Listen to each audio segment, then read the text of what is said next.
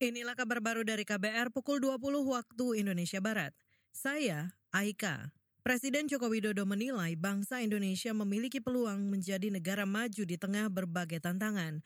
Untuk itu Jokowi mengajak masyarakat memilih pemimpin yang dapat melanjutkan dan memiliki visi yang sama dengan pemerintahan sebelumnya. Hal itu disampaikan Presiden dalam apel akbar pasukan Komando Kesiapsiagaan Angkatan Muda Muhammadiyah di Surakarta hari ini. Asalkan ada konsistensi dan keberlanjutan dari apa yang sudah berjalan, dari apa yang sudah kita lakukan. Jangan sampai saat ganti pemimpin, ganti visi, ganti orientasi, sehingga kita harus mulai semuanya dari awal lagi. Presiden Jokowi mengatakan untuk menjadi negara maju, Indonesia butuh pemimpin yang konsisten, mempersatukan dan melayani rakyat. Selain itu, pemimpin Indonesia masa depan juga harus berani mengambil keputusan, mengambil resiko demi kepentingan bangsa.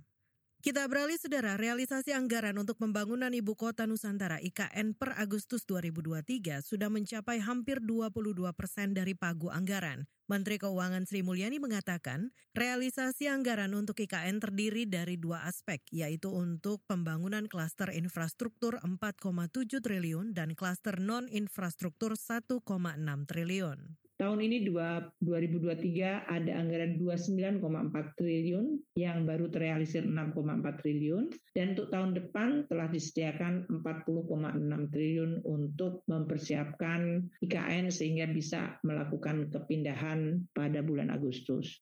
Menteri Keuangan Sri Mulyani memaparkan total alokasi anggaran IKN 2022 hingga 2024 mencapai 75,5 triliun. Soal pemindahan ibu kota, Presiden Jokowi berkali-kali mengatakan bakal menyelenggarakan upacara kemerdekaan di kawasan IKN Kalimantan Timur pada 2024.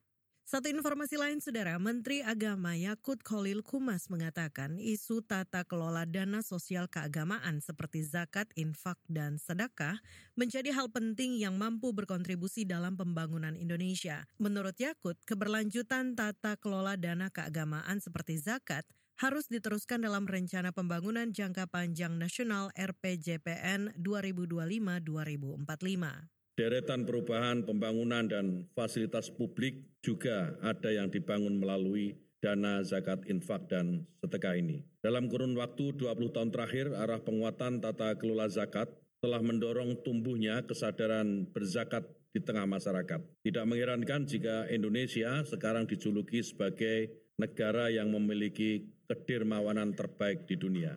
Khusus di bidang zakat, Menteri Agama Yakut Khalil Kumas mendorong program pemberdayaan zakat terintegrasi dalam satu sistem. Kata dia, saat ini lembaga zakat berjumlah lebih dari 600. Dengan jumlah tersebut diperlukan arah dan kendali agar pengelolaan lembaga zakat sesuai dengan tujuan. Inilah kabar baru dari KBR pukul 20 waktu Indonesia Barat. Saya, Aika.